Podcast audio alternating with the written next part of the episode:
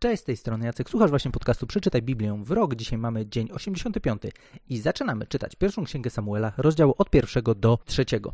Ważna rzecz, jeżeli ominęliście być może poprzedni odcinek, w którym kończyliśmy Księgę Sędziów, to jest właśnie to, że e, tak jak macie swoją Biblię, e, najprawdopodobniej jest tak, że między Księgą Sędziów a Księgą Samuela mieliście Księgę Rut. No i teraz tak, Księgę Rut ominęliśmy, nie dlatego, żebyśmy e, mieli do niej jakiś problem, czy nie chcieli do niej wracać, ale tak jak wspomniałem w poprzednim odcinku pod koniec, czytamy Stary Testament w kolejności ksiąg, tak jak to miało miejsce w kanonie hebrajskim. E, w związku z tym tam podział był taki, że najpierw mieliśmy Torę, później mieliśmy proroków, a później mieliśmy pisma.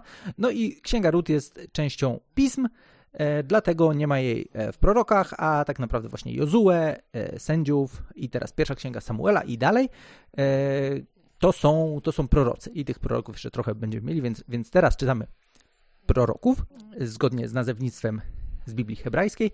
No a gdybyście pytali, dlaczego Jacek zdecydowałeś się na taki manewr, no to zdecydowałem się na niego dlatego, sam pierwszy raz w życiu czytam w takiej kolejności Stary Testament, a wiąże się to z tym, że w tym układzie księga Kronik, czy księgi Kronik, dwie, będą na samym końcu Starego Testamentu, co jest też fajną powtórką, bo tak naprawdę ja osobiście nigdy jakoś nie lubiłem szczególnie czytać e, księgi kronik od razu za e, pierwszą, drugą królewską, e, dlatego pomyślałem, że byłoby to fajnie, żeby przeczytać to inaczej i no wiecie, nie będę tu udawał, że byłem taki, wiecie, a przeczytam Stary Testament tak jak w takiej kolejności, jak czytał go Pan Jezus, czy coś takiego. Nie, no chodziło mi tylko o to, żeby księgę kronik mieć na samym końcu. Jeszcze jedna ciekawostka, jeśli chodzi o samą kwestię księgi Samuela.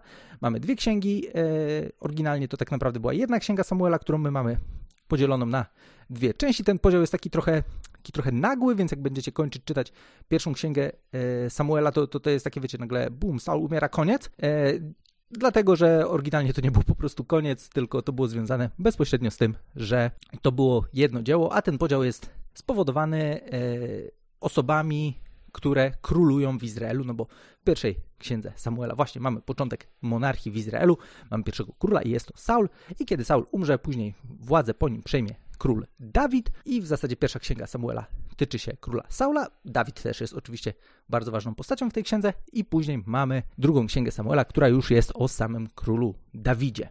A jeszcze jedna ciekawostka, jeżeli już w ogóle takie y, jesteśmy w ciekawostkach, co też z perspektywy czytania może mieć pewne znaczenie dla nas, o tyle, o tyle znaczenie, że y, no właśnie pierwsza i druga księga Samuela w tłumaczeniu Septuaginty to jest e, greckie tłumaczenie Biblii hebrajskiej, takie jeszcze stare, stare, stare sprzed e, Nowego Testamentu, w ogóle sprzed Pana Jezusa.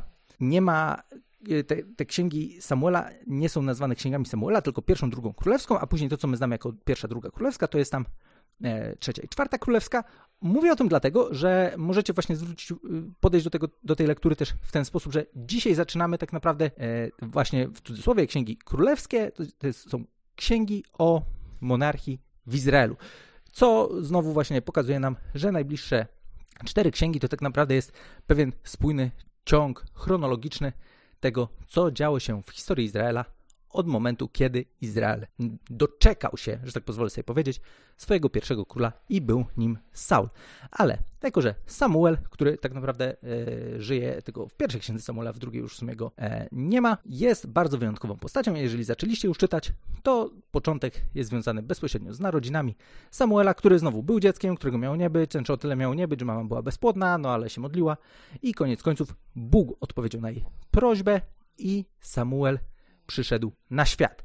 Samuel e, był sędzią, był też prorokiem w Izraelu i e, w sumie tak jeszcze w nawiązaniu do tego, jak mówiłem o tym, że to Debora była takim, wiecie, najlepszym, najfajniejszym sędzią, e, no Samuel tutaj prawdopodobnie ją bije, o Deborze tak mówiłem trochę w kontekście księgi sędziów i tych wszystkich ananasów, które tam były, jeśli chodzi o sędziów, ale, ale Samuel był naprawdę, jest najbardziej, jedną z najbardziej wyjątkowych postaci Starego Testamentu. Niektórzy nawet Samuela gdzieś by postawili zaraz za Mojżeszem. Więc to jest naprawdę wyjątkowa postać w historii Izraela, bardzo wyjątkowy gość.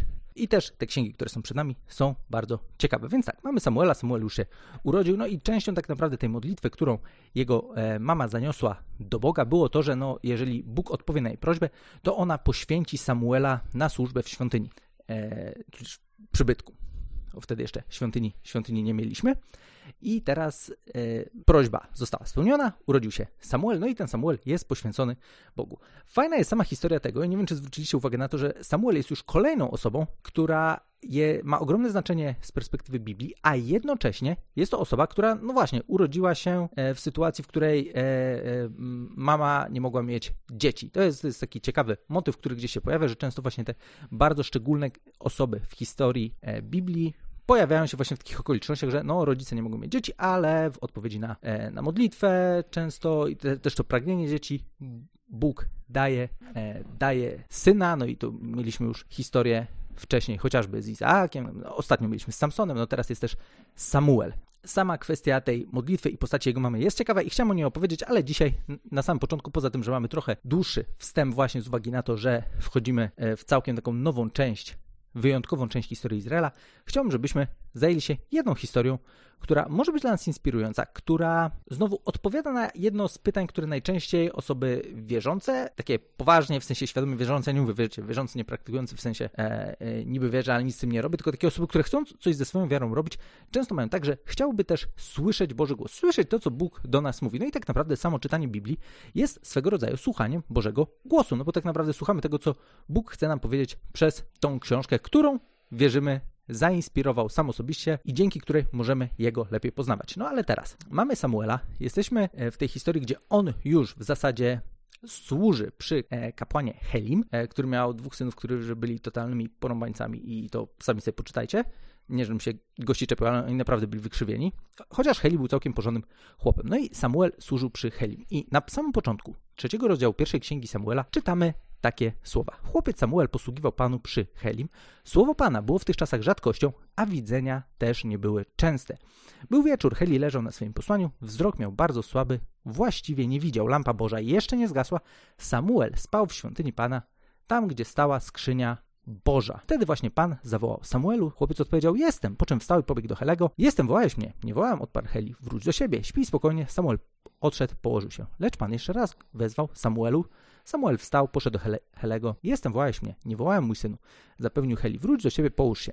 Samuel zaś nie znał jeszcze Pana. Pan nie objawił mu jeszcze swego słowa. Tymczasem znów już po raz trzeci Pan zawołał Samuelu. Samuel wstał i poszedł do Helego. Jestem, wołałeś mnie. Wtedy Heli pojął, że to Pan woła chłopca. Pouczył więc Samuela, idź połóż się, a jeśli znów cię zawoła, odpowiedz, mów Panie, bo twój sługa słucha. Odszedł Samuel, ułożył się na posłaniu. Po chwili Pan przyszedł, stanął i wezwał jak poprzednio Samuelu, Samuelu. Samuel odpowiedział, mów proszę, twój sługa słucha. Wtedy Pan przemówił do niego, wkrótce uczynię w Izraelu coś takiego, że każdemu, kto o tym usłyszy, zadzwoni w obu uszach. W tym dniu spełnię Helemu wszystko, co zapowiedziałem o jego rodzinie od początku do końca. Donieś mu, że wkrótce osądzę jego ród raz na zawsze za winę, o której wiedział. Jego synowie bliźnili bowiem Bogu, a on ich nie powstrzymał. Dlatego przysiągłem rodowi Helego, że grzech jego rodu nie będzie mógł być przebłagany ani ofiarą rzeźną, ani ofiarą z pokarmów na wieki. No i dalej czytam, że Samuel spał do rana. Sama ta historia jest taka, no całkiem przyjemna, dosyć charakterystyczna i z niej też możemy wyciągnąć trzy lekcje związane z tym, w jaki sposób słyszeć Boży głos. Bo, tak jak wspomniałem, tak naprawdę każda osoba, która określa się mianem ucznia Jezusa, powinna słyszeć Boży głos, powinna słyszeć ten głos właśnie, to może być na różny sposób. Niekoniecznie to będzie dokładnie tak, jak było w przypadku Samuela, niemniej jednak powinniśmy żyć życiem, w którym mamy poczucie tego, że Bóg do nas mówi, choć możemy ten głos odbierać na różny sposób. I jednym z tych sposobów zdecydowanie jest czytanie Biblii, czytanie Pisma Świętego.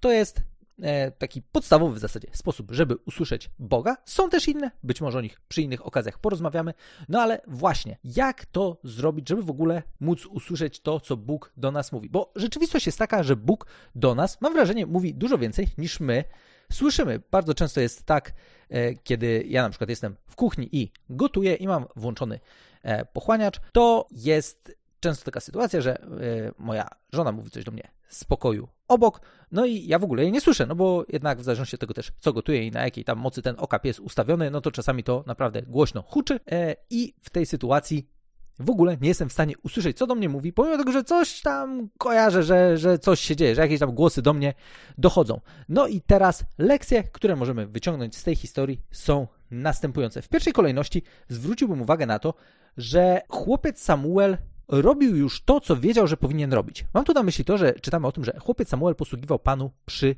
Helim. I ważne jest to, żebyśmy z tym, co wiemy, że możemy zrobić, żeby zbliżać się do Boga, żeby żyć blisko Niego, żeby coś z tym robić, żeby nie żyć takim życiem, a będę sobie żył jak chcę i, i może wtedy Bóg coś do mnie powie, no bo wtedy możemy być całkiem spokojni o to, że jeżeli będziemy chcieli żyć tak, jak nam się tylko podoba i w ogóle nie będziemy mieli takiej postawy tego, żeby e, postępować we właściwy sposób, żeby gdzieś próbować swoim życiem też zachęcić ten Boży głos, no to tego Bożego głosu zwyczajnie nie usłyszymy. Oto możemy być całkiem spokojni. Ważne też jest to, żebyśmy tutaj pamiętali o tym, że w tym pierwszym wersecie też jest napisane, że wtedy słowo Pana było rzadkością. Nie było tak, że ludzie jakoś często słyszeli Boga. No właśnie, dlaczego? Bo żyli jak im się podobało. I to była tak naprawdę historia Księgi Sędziów. Po pierwsze, dbajmy o to, żeby we właściwy sposób się zachowywać. Niemniej jednak to nie jest wszystko. No bo kolejna rzecz jest taka, że zwróciliśmy pewnie uwagę na to, że Samuel usłyszał Boży głos wieczorem, w nocy. W zasadzie wszyscy już poszli spać i właśnie, wiecie, jest cisza, jest spokój. To jest świetna okazja do tego, żeby usłyszeć Boży głos i poza tym, żebyśmy dbali o to, żeby postępować we właściwy sposób, na tyle, na ile już wiemy, że powinniśmy postępować, to cenne też jest to, żebyśmy stworzyli warunki do tego, żeby Boga móc usłyszeć. I przez te warunki mam na myśli to, żeby odciąć się od e, różnych głosów, od różnych szumów, żeby znaleźć takie miejsce w swoim życiu, w którym jesteśmy w stanie naprawdę się wyciszyć, jesteśmy w stanie w ogóle coś usłyszeć. Bo bardzo łatwo jest żyć życiem, w którym nic nie jest w stanie do nas dotrzeć, bo po prostu ciągle coś nam nawala, ciągle coś zajmuje naszą głowę, ciągle jest coś, co walczy o naszą uwagę. Znajdźmy miejsce w swoim życiu do tego, żeby mieć spokój, żeby po prostu się wyciszyć, żeby po prostu się wyciszyć, ale nie wyciszyć, po prostu od razu zasnąć, ale może spróbować właśnie znaleźć taki sposób na wyciszenie, w ramach którego jesteśmy w stanie też skupić się na Bogu, skupić na nim swoją uwagę, swoje myśli, może właśnie połączyć to też z czytaniem Biblii w takim właśnie spokoju i wyciszeniu i zobaczymy, czy ta Biblia dla nas nagle nie będzie bardziej znacząca, czy to, co będziemy czytać, nie będzie zwracało na jakiejś szczególnej uwagi w kontekście naszego własnego życia.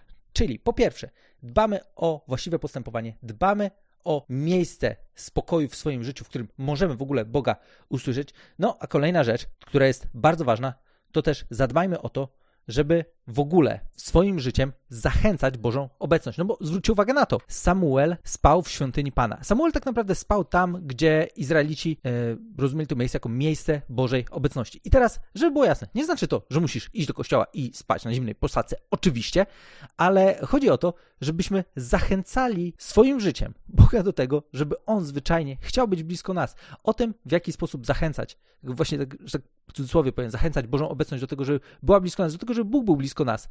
Rozmawialiśmy przy okazji już jednego z poprzednich odcinków, ale właśnie swoim życiem szukajmy Bożej obecności, szukajmy tego, gdzie Bóg jest, bądźmy wrażliwi na to, co Bóg chce nam powiedzieć, w jaki sposób chce do nas mówić. Szukajmy ludzi, z którymi też możemy do Boga razem się zbliżać. Szukajmy tych okazji do tego, żeby spotykać się z innymi, którzy Boga kochają, którzy chcą za Nim podążać.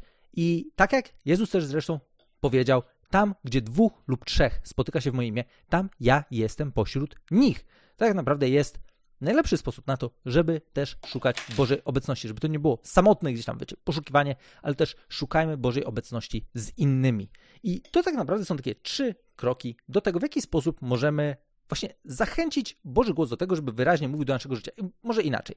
Nie chodzi o to, żeby zachęcać Boga do tego, żeby do nas mówił, bo ja wierzę w to, że Bóg do nas mówi. Ważne jest to, żebyśmy my potrafili usłyszeć. Więc niech te trzy kroki pomogą nam w tym, żebyśmy usłyszeli jeszcze wyraźniej Boga, usłyszeli Boga właśnie może w świecie, w którym też czasami słowo Pana może być rzadkością, bo to niekoniecznie jest tak, że, że wiecie, mamy pewnie wielkie grono znajomych, którzy mają takie poczucie, że Bóg w jakiś sposób do nich mówi, Bóg w jakiś sposób ich prowadzi, a jednak Bóg chce to robić, chce to robić w Twoim życiu, chce to robić w moim życiu, więc zadbajmy o to, korzystając też z przykładu Samuela, żebyśmy słuchali Bożego głosu, żeby to też było naszym pragnieniem, żeby słyszeć Boży głos, żeby słyszeć to, jak Bóg nas prowadzi, mówiąc do nas przez swoje słowo, przez innych ludzi, może jeszcze w jakiś inny sposób, kto wie, w jaki sposób Bóg będzie chciał powiedzieć coś do ciebie lub do mnie. Ale zacznijmy od tego, żeby właśnie korzystając z tych prostych kroków, szukać Bożego głosu, a On da nam się znaleźć. Bo tak jak tutaj widzicie też w tej historii, ważne jest to, że Samuel tak naprawdę, on nie znał wcześniej Bożego głosu. On w ogóle nie miał pojęcia o co chodzi. Tak jak wiecie, też ta historia